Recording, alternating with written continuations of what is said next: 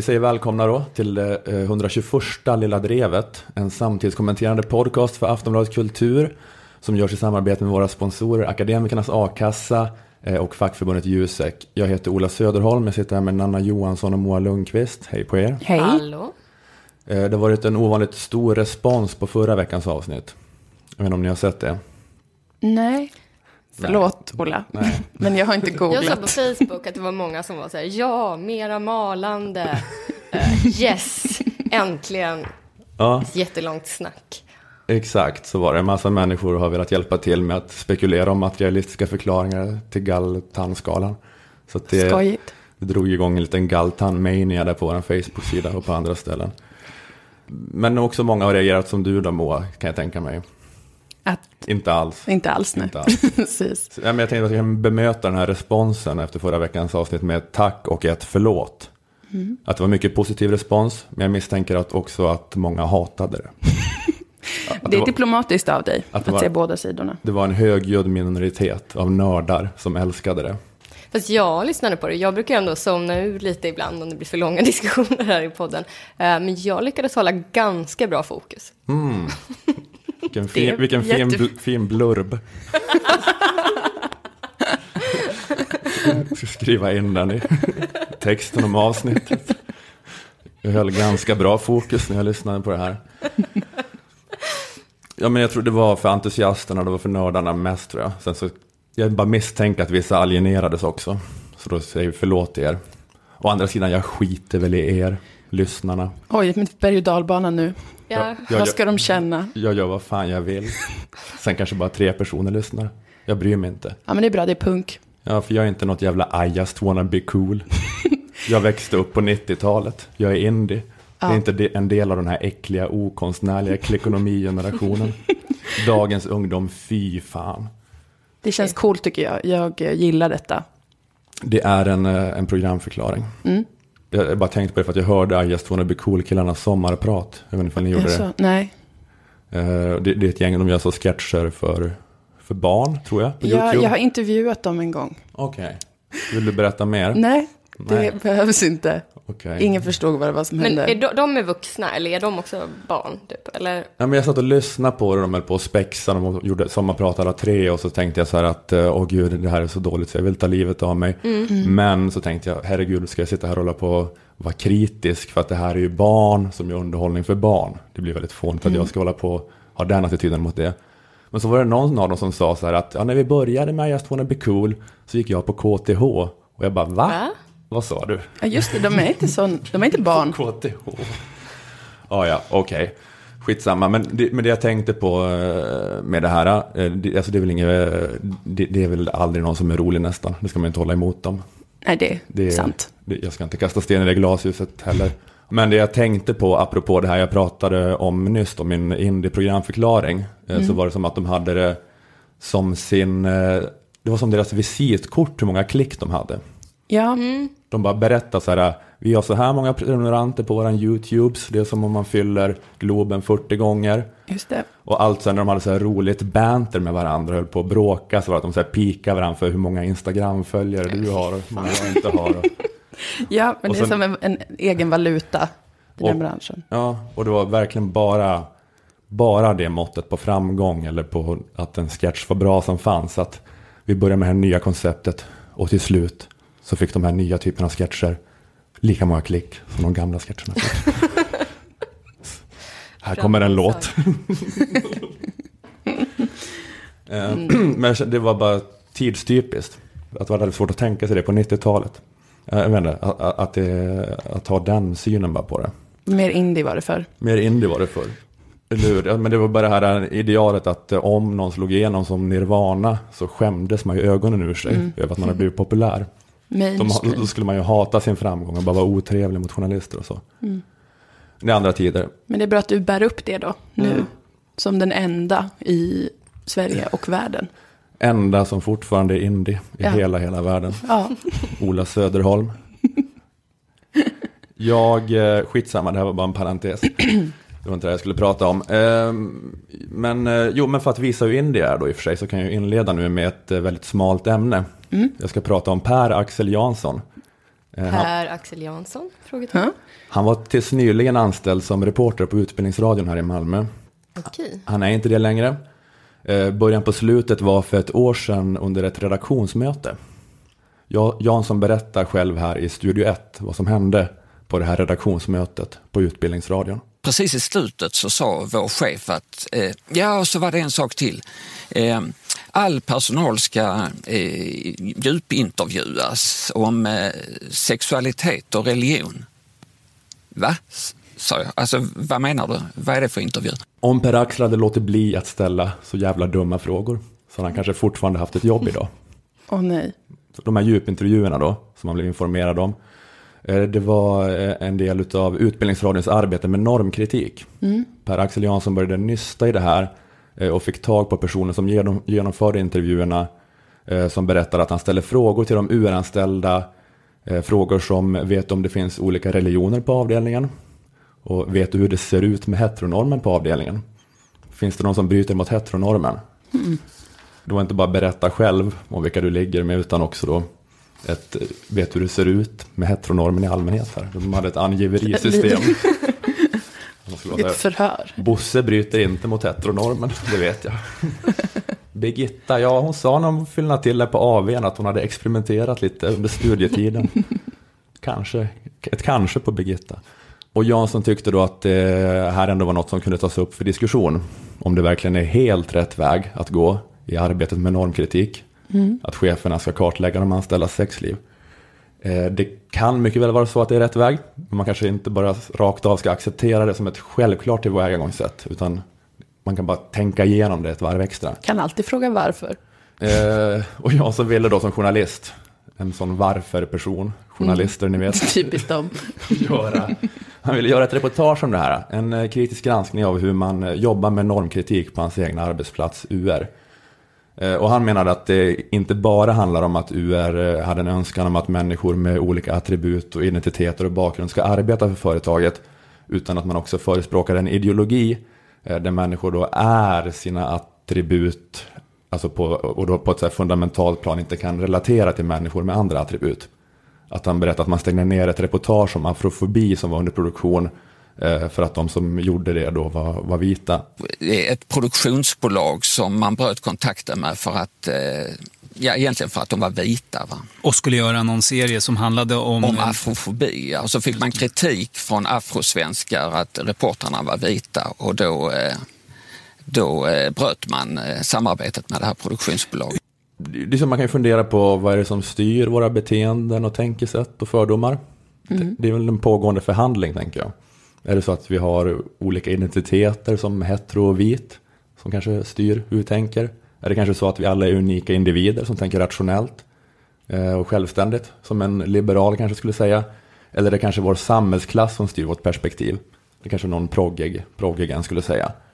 Man tänker att det här borde vara en ständigt pågående förhandling. Särskilt på ett företag med public service-uppdrag. De borde inte bara få välja en av de här förklaringarna. Jag borde testa i alla fall några. Alltså inte förrän hela svenska folket till 100% tycker att bara en av de här förklaringarna gäller. Så borde, Precis. då är det, det kanske blir deras public service-uppdrag att bara, bara ha en av dem. Men, de har, men på Utbildningsradion verkar de ha gjort det redan nu då, avslutat förhandlingen. Ja. Det är hetero och vithetsnorm. Så därför finns ingen anledning att Jansson skulle göra ett reportage där han återupptar förhandlingen. Eftersom att de redan landat i det eh, de då vet är lycka, utopia, extas. Eh, det är mångfald av identiteter. Så som de definieras idag 2016. Eh, och denna mångfald gör då att eh, mångfald av åsikter är överflödig.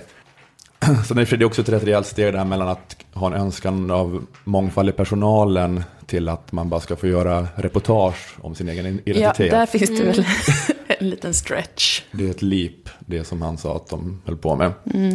Men i alla fall, han fick sparken då, Per-Axel Jansson. Eller han fick inte riktigt sparken, men han var 63 typ och de gjorde någon deal att de köpte ut honom i förtid. Han fick gå in i pension då. Men eh, det är också så att eh, vi vet ju inte exakt kanske vad som har hänt. Han ju- kanske var oskön. Ja, Vill slänga in det. precis. Den, Inte för att baktala.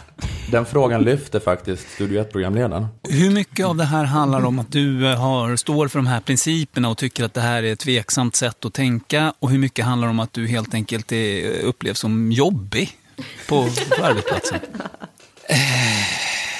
Det kanske inte var just att det finns ett förbud mot att kritisera normkritiken. Eh, utan det var kanske mer att man ville bli av med honom för att han var jättejobbig. Det vet vi inte, vi vet ju ingenting. Han kanske gick runt på redaktionen och imiterade Borat hela tiden. Precis. Det någon som, Ja, bara säger nej. liksom varför efter allt som ett barn. Så varför då? Varför då?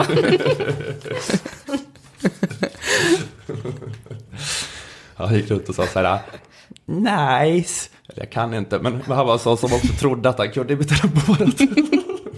men inte kunde det. Han gick runt, Per gick runt på utbildningsradio i korridoren, gick in i rummet till alla tanter och bara, kolla, lyssna på mig, kolla vad skön jag är. Jekimesh, my name is Borat. Nice. Det var en bra imitation. Att han var så hela tiden. Ja, det har vi inget bevis, varken för eller emot, men man kan ju bara spekulera.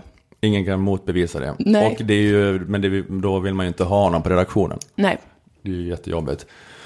Eh, Och eh, de bara då, han kan inte jobba här. Vi använder att han vill göra en normkritisk granskning av vårt normkritiska arbete som förevändning för att göra oss av med honom. Nej men eh, vi vet, vi vet ju inte exakt hur kvävande klimatet var på UR Malmö. Vi har hört Per-Axel Janssons version, kanske finns det andra versioner. Eh, vi vet inte, men det vi vet är hur Elin Andersson, produktionschef på Utbildningsradion, svarade på frågorna i Studio 1. För det har vi ljud på.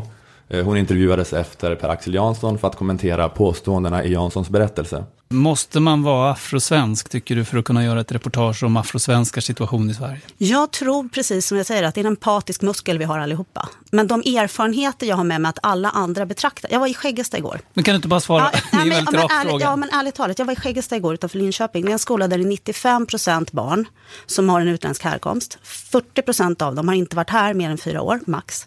Jag sitter runt ett bord och har ett samtal om helt andra saker. Hela tiden kommer de här ungdomarna in på, de andra säger att vi är. De andra säger att vi är. De förhåller sig till ett yttre öga på sig själva hela tiden. När jag sen frågar dem efteråt, ja men vad har ni för drömmar då? Tre av de här tjejerna vill bli läkare. gud vad vackert. Ja, men, Fällde en tår av den där twisten på slutet. men det är inte, man bara följer vad som hän- händer här. Att frågan lyder, kan en journalist som inte är svart göra en intervju med en svart person? En högt uppsatt chef på public service-företaget i Utbildningsradion rabblar planlöst i 45 sekunder och landar till slut i utsagan Tre tjejer jag träffade i Skäggesta ville bli läkare. Studieprogramledaren är inte 100% nöjd med svaret utan provar en gång till. Mm, men vad är svaret på frågan? Återigen, alltså, måste man eller bör man helst vara afrosvensk för att kunna göra ett reportage Jag om afrosvenskars situation? Jag tror att jag behöver stå väldigt nära. Det kan vara en väldigt bra genväg. Sen är det ju naturligtvis så att jag även som afrosvensk kan träna min empatiska muskel. Jag har övat in det här med empatiska muskel. Röven. Det enda jag minns från den här mångfaldsutbildningen vi gick var orden empatisk muskel. Jag bara säger det igen och igen. Ja, men här då eh, var det, eh, måste man eh, vara afrosvensk för att kunna intervjua afrosvenskar? Frågan igen då, och så svar, då svarar hon att man även som afrosvensk kan träna sin empatiska muskel. Eh, så det, blev, det var lite svårt att hänga med, men det är kanske om man ska använda då hennes term empatisk muskel så var väl frågan som hon fick snarare om en icke-afrosvensk kan träna sin empatiska muskel så mycket att kan intervjua en afrosvensk. Eh, Så jag fattar inte riktigt om, men det kanske är att hon vänder på det hela normkritiskt. Att varför frågar du mig om vita kan intervjua svarta? Varför alltid det vinkeln? Varför inte fråga oss, kan svarta intervjua vita? När ni ifrågasätter de här sinnessjuka idéerna om rasseparatism vi har på Utbildningsradion, varför gör ni alltid det med utgångspunkt i att normen att en journalist är vit? Det är trist. Eh, I och för sig så, eh, det, det här resonemanget kanske faller lite på att just i det här fallet var det ju frågan då om att de, de var vita på det produktionsbolaget. Och att de då, ja, att de stängde ner det reportaget. Eh, Men eh, Jörgen Wittfeldt på Studio 1 är fortfarande inte nöjd med svaren och försöker då med ytterligare en eh, tillspetsning av frågan. Men vänta, om vi drar ut tangenten här, kan jag göra reportage om kvinnor? Jag är ju inte kvinna. Vad tycker du? Ja, absolut du tycker Mm. jag att jag kan göra det. Men vad tycker du? Alltså jag kan säga som så här, att det finns naturligtvis hänseende, men ta, ta litteratur till exempel. Så tycker jag att det finns både kvinnor och män som kan skriva böcker så att jag kan känna igen mig som kvinna. Men en annan kvinna kanske tycker en helt annan författare. Jo, men det jag är ute efter här är ju att Eh, ja. Frågan lyder, kan en journalist som inte är kvinna göra ett reportage om en kvinna? En högt uppsatt chef på public service-företaget Utbildningsradion svarar med motfrågan, vad tycker du? Får svaret ja, börjar sen rabbla planlöst och landar i utsagan att hon själv kan känna igen sig i böcker skrivna av både kvinnor och män, men en annan kvinna kanske tycker en helt annan författare. Och sen Ja. fortsätter det ett tag. Men det kommer inget rakt svar på frågan. Nej, Det, jag tycker bara att det som händer är alltså då att en högt uppsatt chef på public service-företaget Utbildningsradion får frågorna kan man som journalist intervjua en människa som har en annan hudfärg och kan man intervjua en med ett annat kön? Ett tips här är att om man inte vill framstå som helt mentalsjuk i hjärnan, det är att svara ja på de här frågorna. Ja, journalister bör kunna göra intervjuer över ras och könsgränserna. Det anser vi på Utbildningsradion, för vi är inte helt sinnesförvirrade. Att det hade varit skönt om hon på tio minuters intervju hade lyckats få ur sig ett ja på de här, tycker jag, inte överdrivet svåra frågorna som Studio 1 ställer. Säg bara ja, det tycker jag. MVH, orolig licensbetalare. Eller? ja, nej men absolut. Sen hade de du har kunnat ju prata inte om det mött andra. tre små tjejer som vill bli läkare. Nej, nej, jag har inte det. Det var sån härlig eh, eh, public service-chefsvardag hon hade där. Alltså. Ja, Man mm, kände igen det där. Man kände smaken av utlasningstårta Ja. i munnen när man, hör, när man hör den där rösten. verkligen. Eller är det på samma vis då som att journalister inte kan göra intervjuer över etnicitets och könsgränser på Utbildningsradion så får de inte heller göra över begåvningsgränserna? Att det kanske var därför Per-Axel Janssons reportage om UR stoppades. Han kanske är normalbegåvad så han kan inte intervjua UR-cheferna för de är kliniska idioter. Jansson har en för otränad empatisk muskel för att kunna förstå hur det är att vara så dum. Det handlar inte om att man inte får kritisera normkritikarbetet på UR per se, utan det handlar om att dra normkritikarbetet till sin logiska spets, där man också erkänner UR-chefer som en identitet och en essentiell kategori som därför bara kan intervjuas av andra UR-chefer. Det är mycket, mycket intressant teori. Om man så ska tänka på vad, vad det är de vill, att de är, eh, ja, de har speciella erfarenheter som inte, som bara kan levas, inte kan eh, läras utav någon. Av att vara så och så dum. Fast jag kan hålla med om att det ser konstigt ut om så här tre vita gubbar typ ska göra ett reportage om så här att vara en kanske ung svart tjej. Jag vet inte. Jag tänker ändå att det är inte det lite grann i journalistens roll att kunna göra sånt som inte bara handlar om en själv, Jo, så som man vill definiera det helst. jag kan verkligen, verkligen fatta den ängsligheten med det för hur det ser ut. Du håller med om UR-linjen lite mer kanske? Eller? Lite mer än vad du gör. Ja. Mm. Nej men jag menar bara att man fattar ju, jag, jag fattar liksom, eh, eller jag fattar där att eh, och vi gör ingenting, då blir det alltid bara vit medelklass. Att det är det som händer om man inte gör någonting. Men jag tycker så här, det här steget mot att då ha liksom den inställningen att nu är alla sina identiteter också. Att det blir så himla konstig syn på vad en journalist ska vara och ska kunna göra. Alltså det är ju motsatsen till att vara journalist på något sätt. Det handlar ju om att man ska kunna sätta sig in i vad, vad andra håller på med. Och så Ja. vidare. Men sen att de jobbar med att försöka få till en bredare rekrytering är väl något som man generellt tänker är positivt. Men det är ju någonting annat än att eh, göra en djup, djup intervju med alla om vem de ligger med och vilken religion de har. Ja, det är Alltså också... det är ju ändå en annan sak. Men det var så att de hade haft någon sån här mångfaldsdag, den här Baker Karim som är aktivist i de här frågorna. Någon slags, han, håller, han är väl på Filminstitutet på något sätt också tror jag. Men att han hade sagt det då att, eh, att, liksom, att eh, vita journalister har, vet inte hur det är att växa upp som svart. Eh, så att de ska liksom inte göra intervjuer med dem. Och det, jag kan bara inte förstå hur det ska kunna komma något gott av att börja med sån separatism. Alltså jag, jag, jag förstår hur det kan komma något gott av att man har representation i sin personalstyrka. Men just alltså den regeln att man här kan stänga ner några som håller på med ett reportage för att de är vita.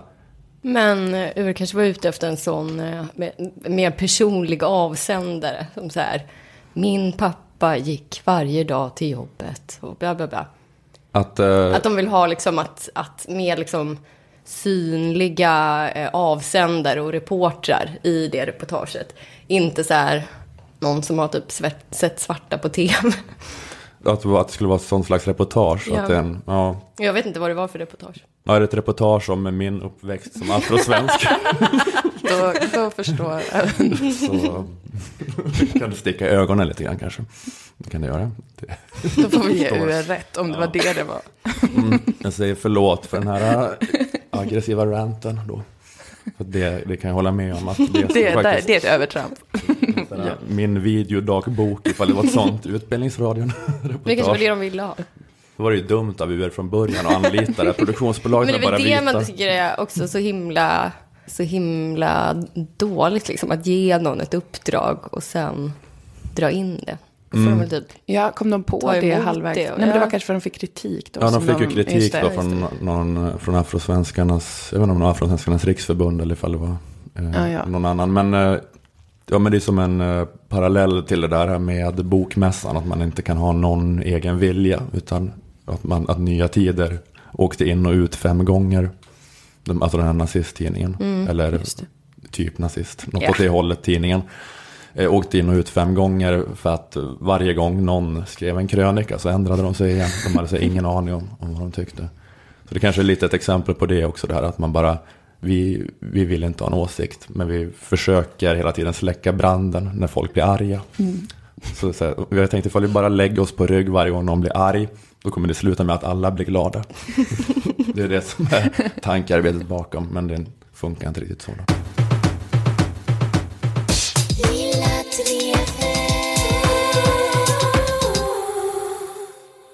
Eh, har ni hört talas om Ig Nobelpriset? Nej, alltså Mm. Nobelpriset ja, men att du sa en bokstav innan förvirrade mig. IG, IG.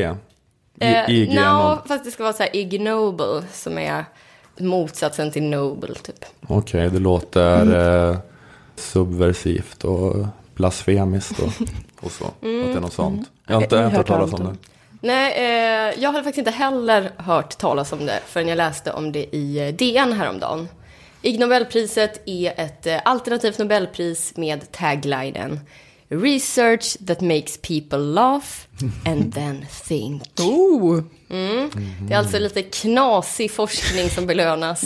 Forskning som först får en att skratta och sen tänka. Det är precis som satir. ja. Precis som satir, ja, fast Exakt. Fast liksom Så jävla vackert. Eh, Så här står det om priset i DNs eh, faktaruta. Ig Nobelpriset instiftades av Mark Abrahams och delas i år ut för 26 gången. Tio priser delas ut varje år. Pristagarna belönas med äran och en sedel på 10 biljoner zimbabwiska dollar. Mm. Det där sista är så himla typiskt för folk som har så här vetenskapshumor. Ja, du förstår, han fick ett pris på 10 biljoner dollar. Zimbabwiska dollar. Eh, Om man inte fattar vad jag menar med vetenskapshumor så kan man tänka på den där planschen Einstein räcker ut tungan. De som har den på väggen älskar vetenskap och fasta regler, men är också beredda att busa till det lite. Man är ganska torr, ganska väldigt torr, men man gillar ändå att få sig ett gott skratt då och då. Till exempel åt zimbabwisk inflation eller att någon gör en kul grimas. Alla på KTH-spexet Ja. skrattar mjölk ut ur näsan när de, när de hör zimbabwiska dollar. Ja, så jag tänker att det är, det är de eh, Einstein räcker ut tungan bland människorna som engagerar sig i Ig Nobelpriset, föreställer jag mig. Men vilka var det då som vann priserna i år? Vad var det för sköna lirare? Eh, jo, vi har till exempel Egypten eh, Ahmed Shafik som testat att sätta små byxor på råttor och iakttagit hur det påverkar deras sexualdrift. Eh, upptäckten här var att råttor blir kåtast av syntetiskt byxmaterial. Väldigt viktig upptäckt eh, för alla som umgås med råttor i byxor, som till exempel Askungen. Eh, jag kommer inte på någon annan. Okej.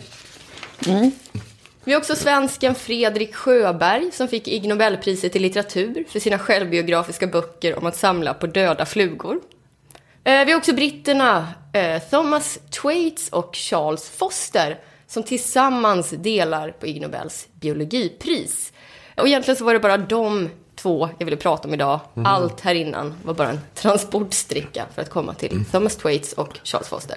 Mm, men det var en rolig kuriosa då. Ja. Om, En främmande värld. En främmande värld, ja. Eh, vad har då eh, de här killarna gjort? Jo, vi kan läsa i DN om deras gärningar. Thomas Thwaites tillverkade proteser för att kunna röra sig som en get och leva tillsammans med getter och ströva över ängarna i Alperna. Charles Foster har även han levt i vildmarken som olika djur. Tillsammans med sin åttaårige son levde han som grävling och sen ensam som utter, hjort och tornseglare och som en räv i en stad där han letade mat i soptunnor och sov i trädgårdar. Aha. Vuxna män som lajvar djur. Men ta med sin åttaårige son på Ja. Grävling-livet. Ja. Ehm, när jag googlade på de här herrarna eh, så såg jag att eh, båda har skrivit böcker om eh, de här upplevelserna på andra sidan artgränsen. Thwaites har skrivit Goatman, How I took a holiday from being human och Foster har skrivit eh, Being a beast. Eh, och till min förvåning så verkade det som att eh, även om det här priset, Ig Nobelpriset som de nu fått, är ganska oseriöst och spexigt så verkar ju inte de ha gjort sina experiment som någon sorts spex. I alla fall inte bara. Tvärtom så håller båda fram hur existentiellt jobbigt det är att vara människa, hur skönt och viktigt det är att få lufsa runt i naturen som djur eh, utan krav och ångest. Och där kan man väl ändå känna någon slags förståelse. Eh, även om en vanlig människa kanske skulle testa terapi eller antidepressiva innan man eh, ger sig ut i skogen. Men det är väl ändå härligt med nonkonformism. Men det låter, då låter det nästan mera som att, det är, eh, som att de är konstnärer på något sätt. Då. Att det var därför de utforskade det här. För att eh, det är så existentiellt jobbigt att vara människa. Man bara ska, alltså det var inte, Mm. En av dem inte, tror jag har gjort det ganska mycket som ett konstprojekt. Den andra har typ gjort det här alltid. Okej. Men Med först en tror jag på senare läggning. tid skrivit, eh, skrivit en bok om det. Så. För det är inte liksom att, för att lära sig mer om getter egentligen. Utan det är mer att, Nej, det är väl mer så här eh, försöka hitta någon slags sen. Eh, Okej. Skapa relationer över art, jag vet inte. Mm, mm. Men den här, eh, den här eh, förståelsen som jag ändå kunde känna för, eh, för deras livsstilar.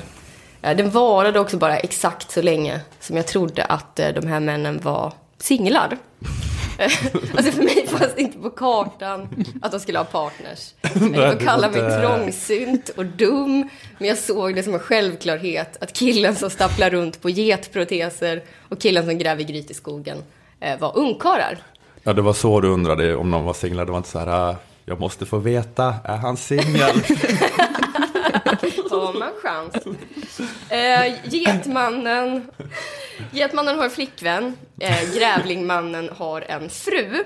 Eh, I en intervju med grävlingmannen i The Guardian så får man träffa den här eh, frun. Och jag har eh, översatt delar av intervjun. Är ni redo? Ja. Vi återvänder till hans hem där Mary, Charles Fosters andra fru, har förberett pumpasoppa till lunch. Hon är en förtjusande, grundad kvinna som sköter hushållet och ser efter deras fyra barn. Parentes. Foster har ytterligare två barn från ett tidigare äktenskap. Mm. Mannen som har levt större delen av sitt vuxna liv som djur, eh, grävling, räv och andra djur, är alltså en sexbarnsfar. Så även om han helst i skogen så har han ändå hittat hem emellanåt. Slevat i sig fruns pumpkin soup och gjort henne på smällen. Ändå generöst av honom att lämna sitt skogsgryt för att då och då närvara i sitt människogryt. Men det kanske bara går hand i hand då att man inte ska ha det här äh, monogama parningssystemet som människor har. Utan att man är sån som dyker upp tre veckor varje år. Head over to Hulu this March, where our new shows and movies will keep you streaming all month long. Catch the award winning movie Poor Things, starring Emma Stone, Mark Ruffalo, and Willem Dafoe. Check out the new documentary, Freaknik The Wildest Party Never Told, about the iconic Atlanta Street Party. And don't miss FX's Shogun, a reimagining of the epic tale, starring Anna Sawai. So, what are you waiting for? Go stream something new on Hulu. Vilka kullar med barn. massa- väldigt många samlag på kort tid. Och sen drar iväg igen. Eh, Men vad har då personen som intervjuar paret för brännande fråga till Mary Foster? Eh, vad kan man fråga någon som lever med en man som gjort det till sin grej att appropriera skogsdjur? Vad skulle ni fråga? Hur mår du? Mår det? Ja, det skulle jag kanske också fråga. Eh, Men frågan som Mary får är den här. Kan du märka någon skillnad på när han återvänder från att ha varit en grävling från, låt säga, en utter? Det var alltså det mest intressanta. Men det tyckte jag var ganska intressant. Tyckte du var det? Ja.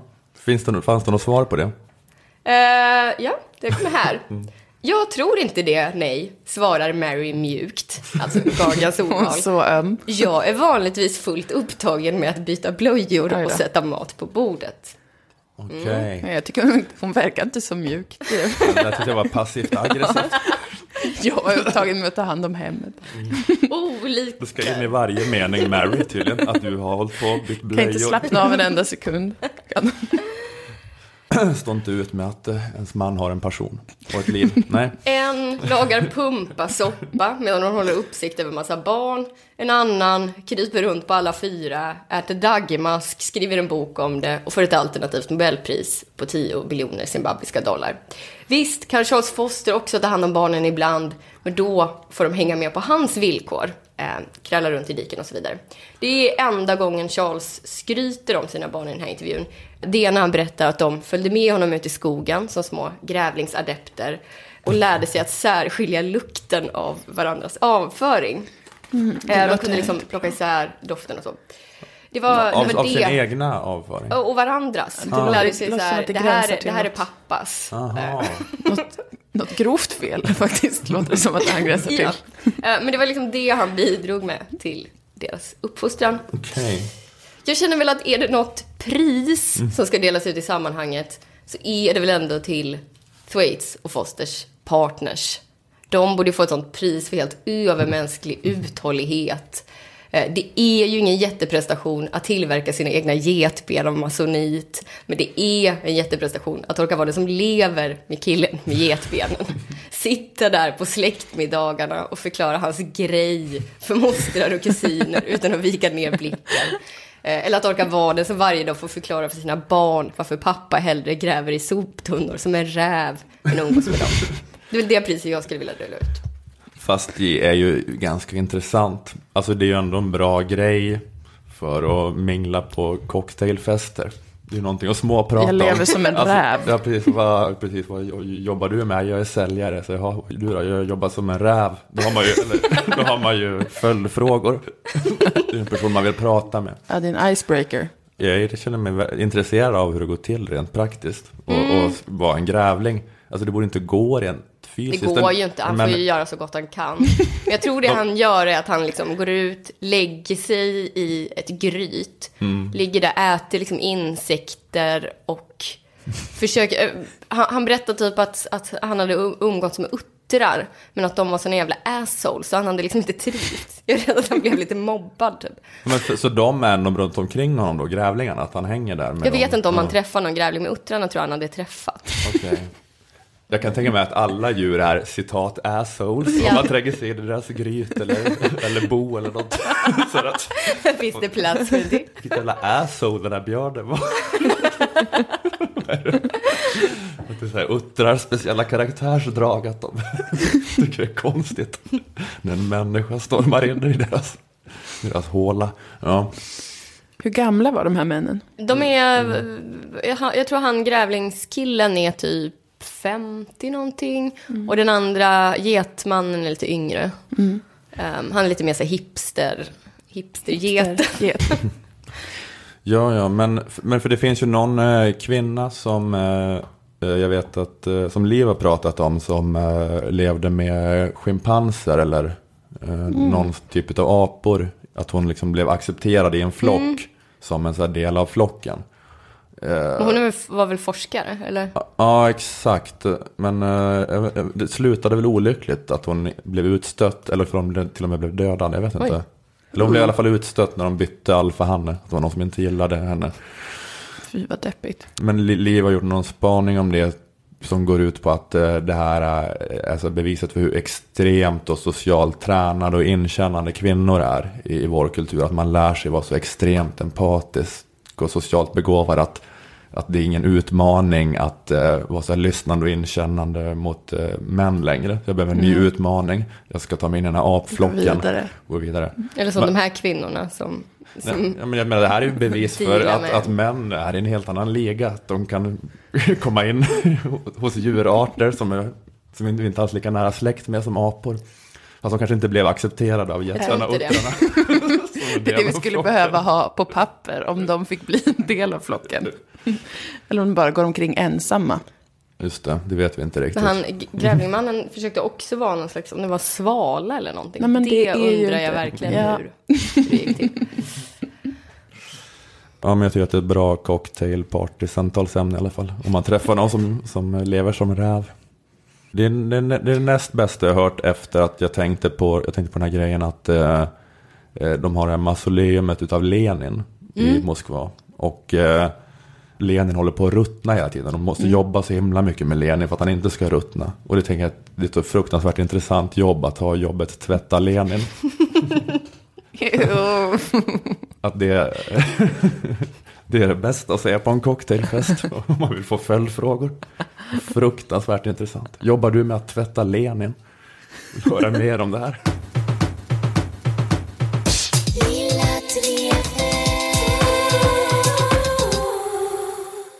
Okej, vi ska berätta om våra sponsorer nu. Eh, det här är ett viktigt meddelande till alla våra systrar och bröder. Det här landet tillhör er. Det är inte bara Wallenbergs land. Det är också ditt. Kanske mer Wallenbergs. Ja, det är det. Men lite dit också. Poängen är, gör er plikt för all del, men kräv också er rätt. Organisera er i fackförbundet Jusek som sponsrar Lilla Drevet. Eh, Och inte bara organisera jurister. eh, Som det är den vanliga mannen på gatan fördomen om Jusek. Det har ni kanske hört. Det är juristförbundet. Men två tredjedelar av medlemmarna är icke-jurister. Ju i Jusek står för jurist. S står för samhällsvetare. Och ek ekonom. Ekonom. Så om du tillhör dessa branscher ska du vara med i Jusek. Samt även om du är kommunikatör eller jobbar inom HR eller IT. De har inga bokstäver i, i Jusek. namnet. Det är diskriminerande. Det kommer säkert. Eh, Gå med i Jusek för en förbättrad inkomstförsäkring. Och till att börja med så måste ju alla vara medlemmar i, eh, i vår andra sponsor som är Akademikernas A-kassa. Som ger grundförsäkringen. 80% av inkomsten upp till 25 000 kronor. Eh, Och det kostar bara 100 kronor i månaden att vara med. Läs mer på akademikernas.se. Men de flesta som jobbar i branscher som organiseras av Jusek tjänar mer än a-kassetaket, ofta betydligt mer, så det kan bli ett stort inkomstbortfall om man förlorar jobbet. Eh, man måste betala för villalån och hockeyskydd och så. Eh, men om du är med i fackförbundet Jusek och tar del av deras inkomstförsäkring eh, så är du skyddad ända upp till 80 000 kronor. 80 procent av lönen upp till 80 000. Så 64 000 i, i arbetslöshetsersättning kan man få. Ja, eh, Jusek stöttar dig också på massa andra sätt i karriären. Till exempel har det visats att de som tar del av Juseks lönerådgivning får i snitt 1500 kronor mer i ingångslön än de som inte gör det. Eh, Läs mer om allt det här på jusek.se. Där kan du också läsa om hur du blir studentmedlem i Jusek och, och fördelarna det innebär. Kostar bara 100 kronor som en engångssumma och då är du medlem hela studietiden. Det är egentligen gratis också för att direkt när du går med och betalar 100 så får du ett presentkort på Adlibris på 100 kronor. Eh, tack Jusek och Akademikernas. Har du tagit steget och gått B tack vare den här podden så kan du gärna skriva det i din ansökan. Eh, och snedstreck eller berätta i sociala medier under hashtag lilla drevet.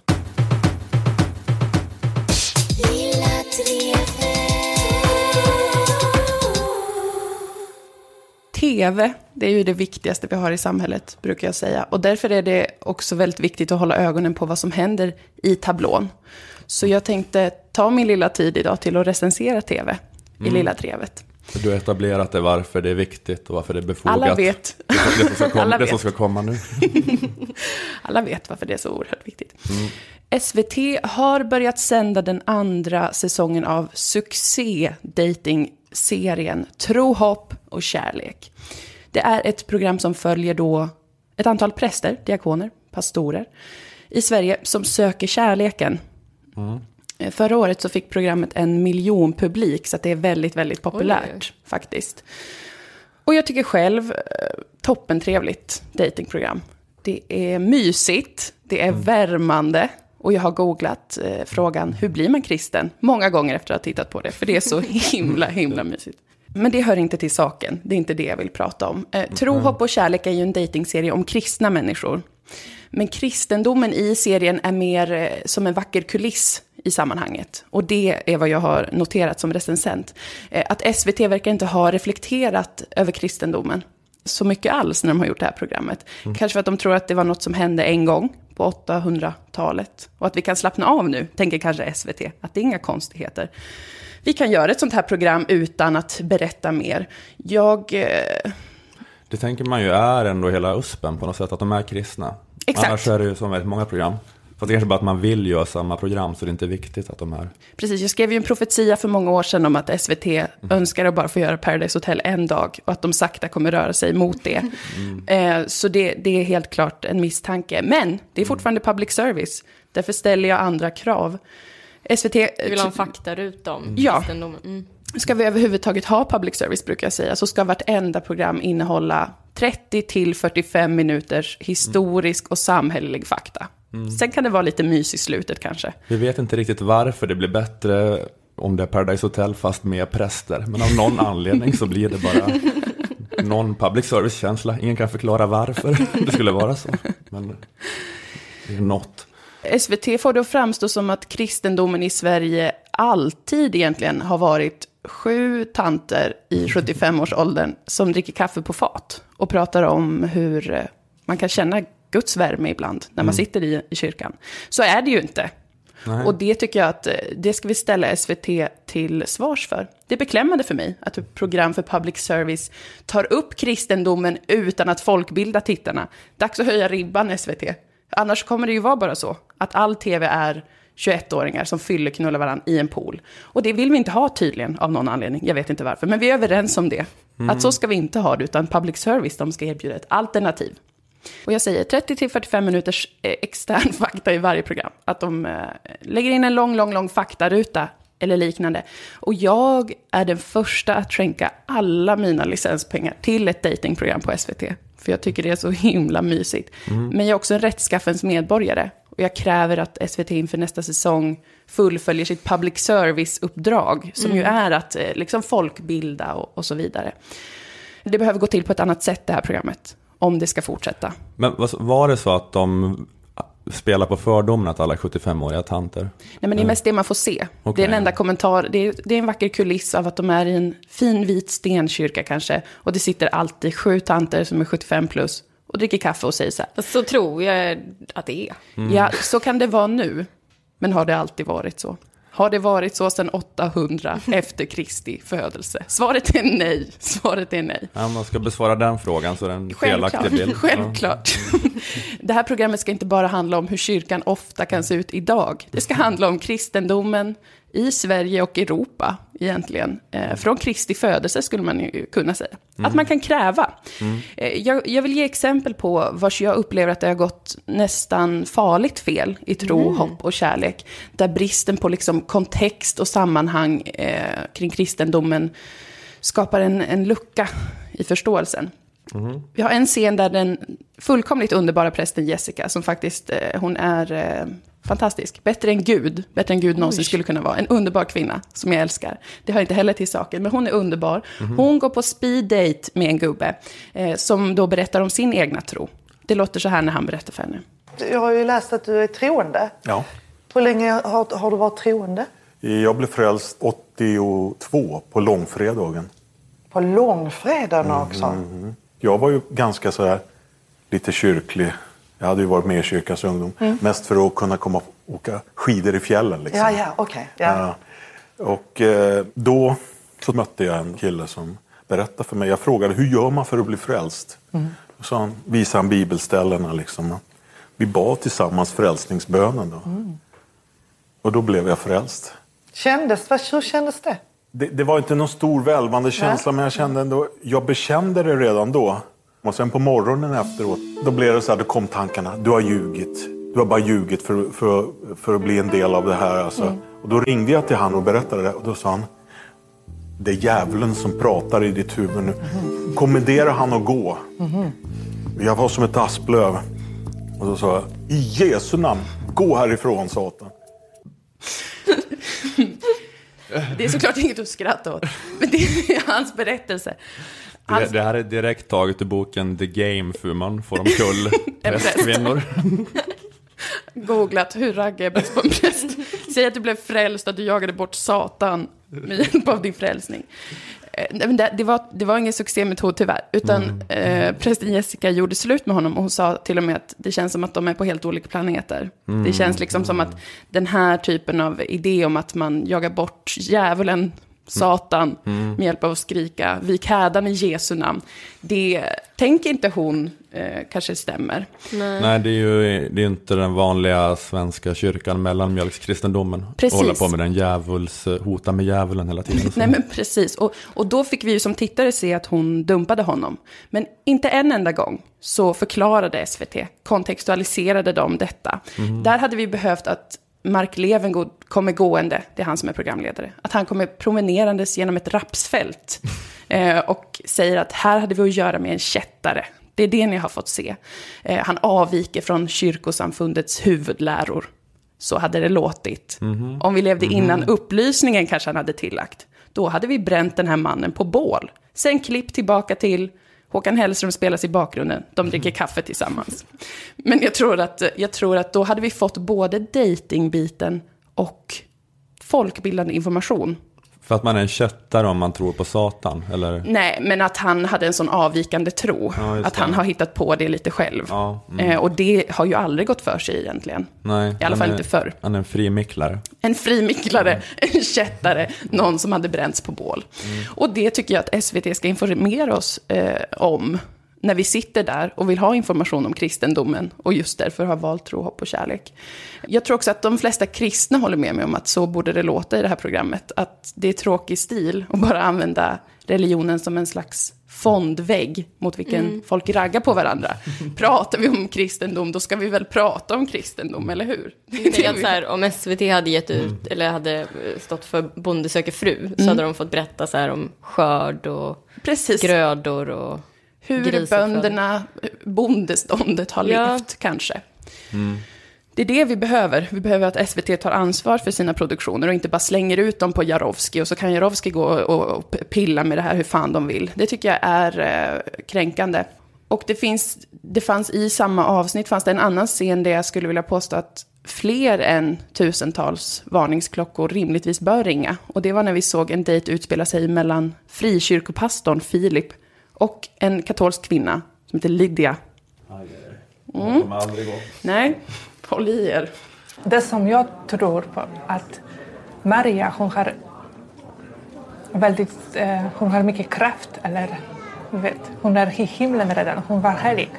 Men, men vad har man för stöd för det? Står det så i Bibeln eller? Att hon har mer kraft och så? Nej, faktiskt, jag vet inte. Nej, jag tror inte det. Jag har inte hittat det någonstans. Alltså, jag har ändå läst mycket Bibeln.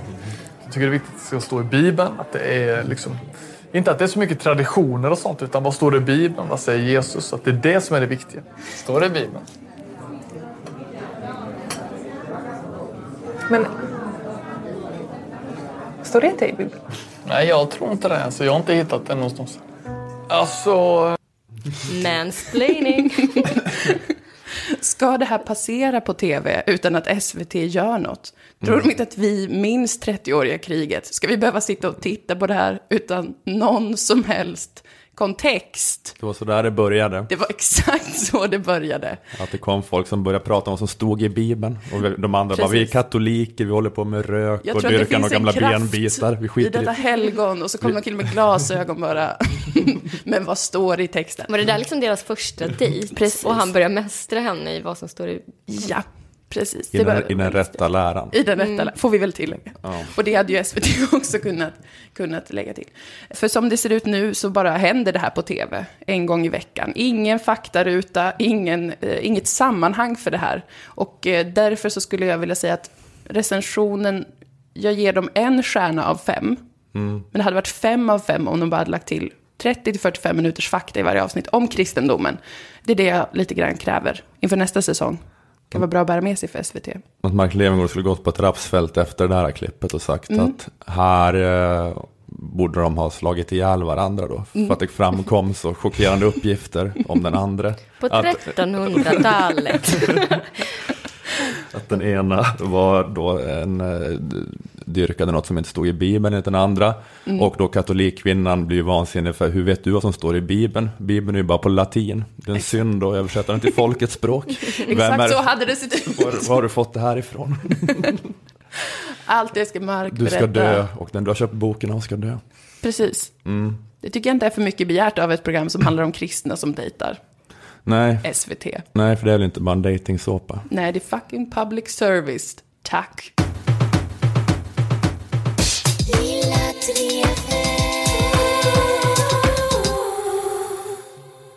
Jag fick ett mail från en eh, journalist från en tidskrift att de skulle ha någon sån enkät i den här tidskriften. En massa människor skulle svara på samma fråga. Så undrade de ifall, ifall jag ville vara med. Eh, Och då var frågan, vad ska Socialdemokraterna göra för att framstå som smartare, coolare och därmed mer attraktiva för väljarna?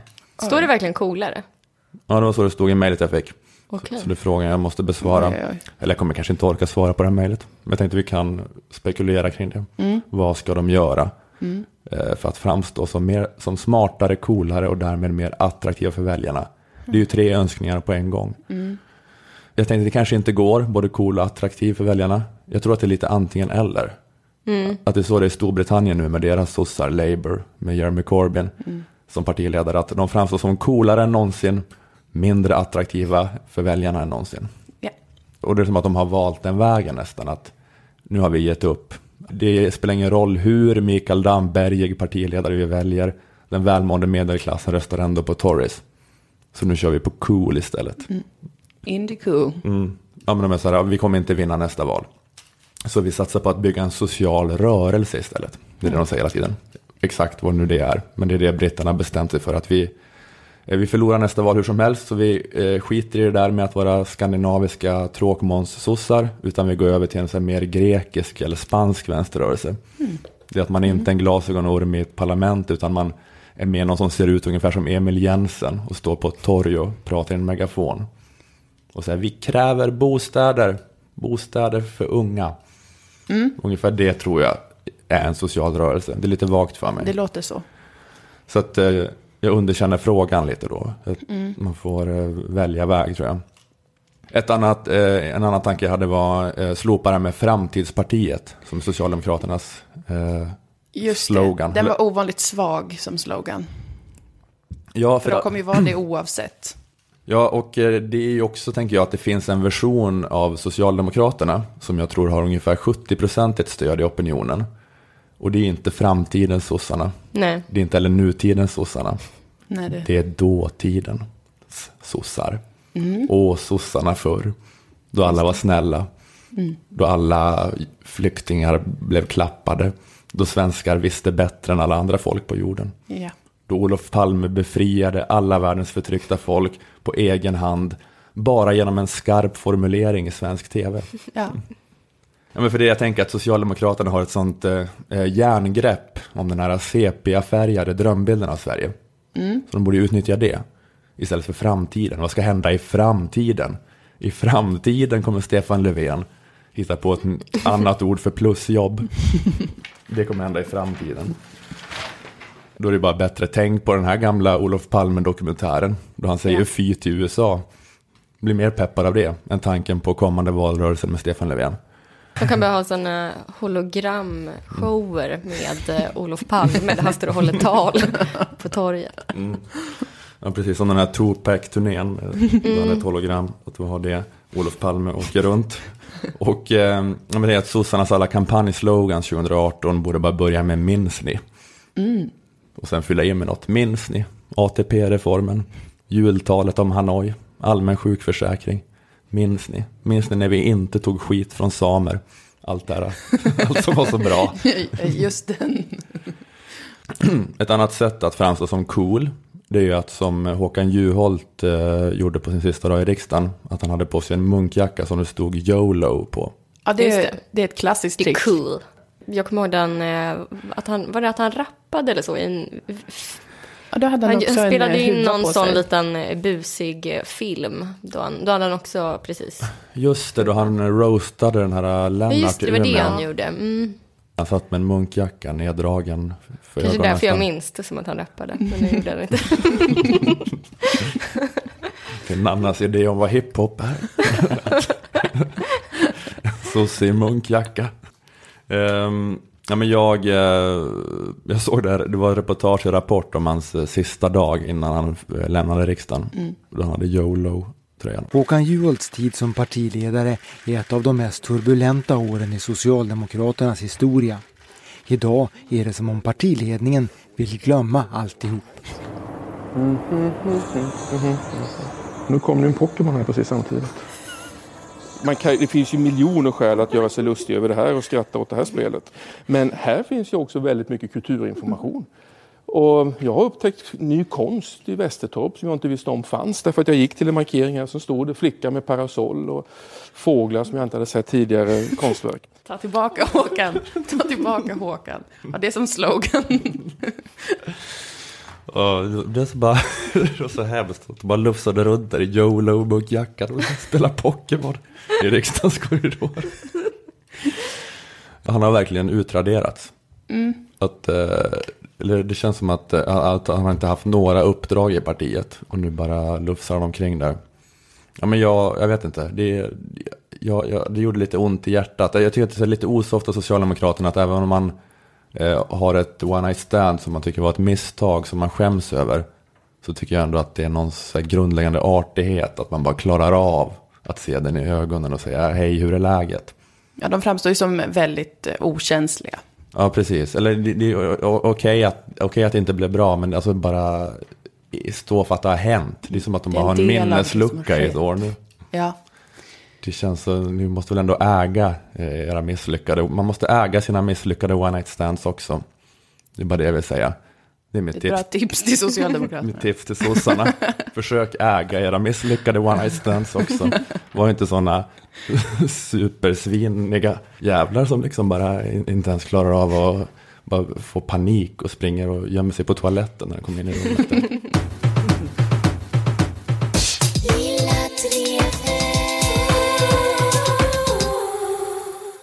Jag kan göra eh, reklam för Oslipat Standup, det, eh, som jag ska vara med på nästa vecka. Eh, det är Oslipat Malmö, på onsdag 5 oktober. Eh, jag och Sandra Ilar och Nisse Hallberg och någon mer kanske. Eh, det är Malmö då på onsdag. Och sen dagen efter på torsdag i Stockholm så är det en specialkväll då det är Oslipat tolkar. Eh, Då vi, jag och några andra komiker, bland annat eh, Josefin Johansson, ska stand-up tolka Billy Division and the Dancers låtar. Och de är där också bandet och spelar låtarna själv. Så det är torsdag eh, i, i Stockholm. Oslipat.com finns all relevant info. Wonderful. Jag, kommer vara, jag och Dilan kommer vara i Växjö nästa fredag. Och sen Göteborg nästa lördag. Hitta Spännande. infon sen själva. Men nu, nu är det out there. Mm. Eh, och eh, mer, eh, inte. köp din bok Nanna. Ja, Mm. eh, kan tjata om den igen. Paradise eh, finns ett beställe från till exempel Edlibris. Och också Livs eh, nya seriealbum det. ute. Jättebra. Jag har läst det, så det kan ni också köpa. Uppgång och fall. Okej, eh, det här var en podd för Aftonbladets Kultur. Den gjordes i samarbete med våra sponsorer Akademikernas A-kassa och fackförbundet Jusek. Ni heter Nanna Johansson och Moa Lundqvist. Jag heter Ola Söderholm. Hej då, vi hörs nästa vecka. Hej hej! Hey doll.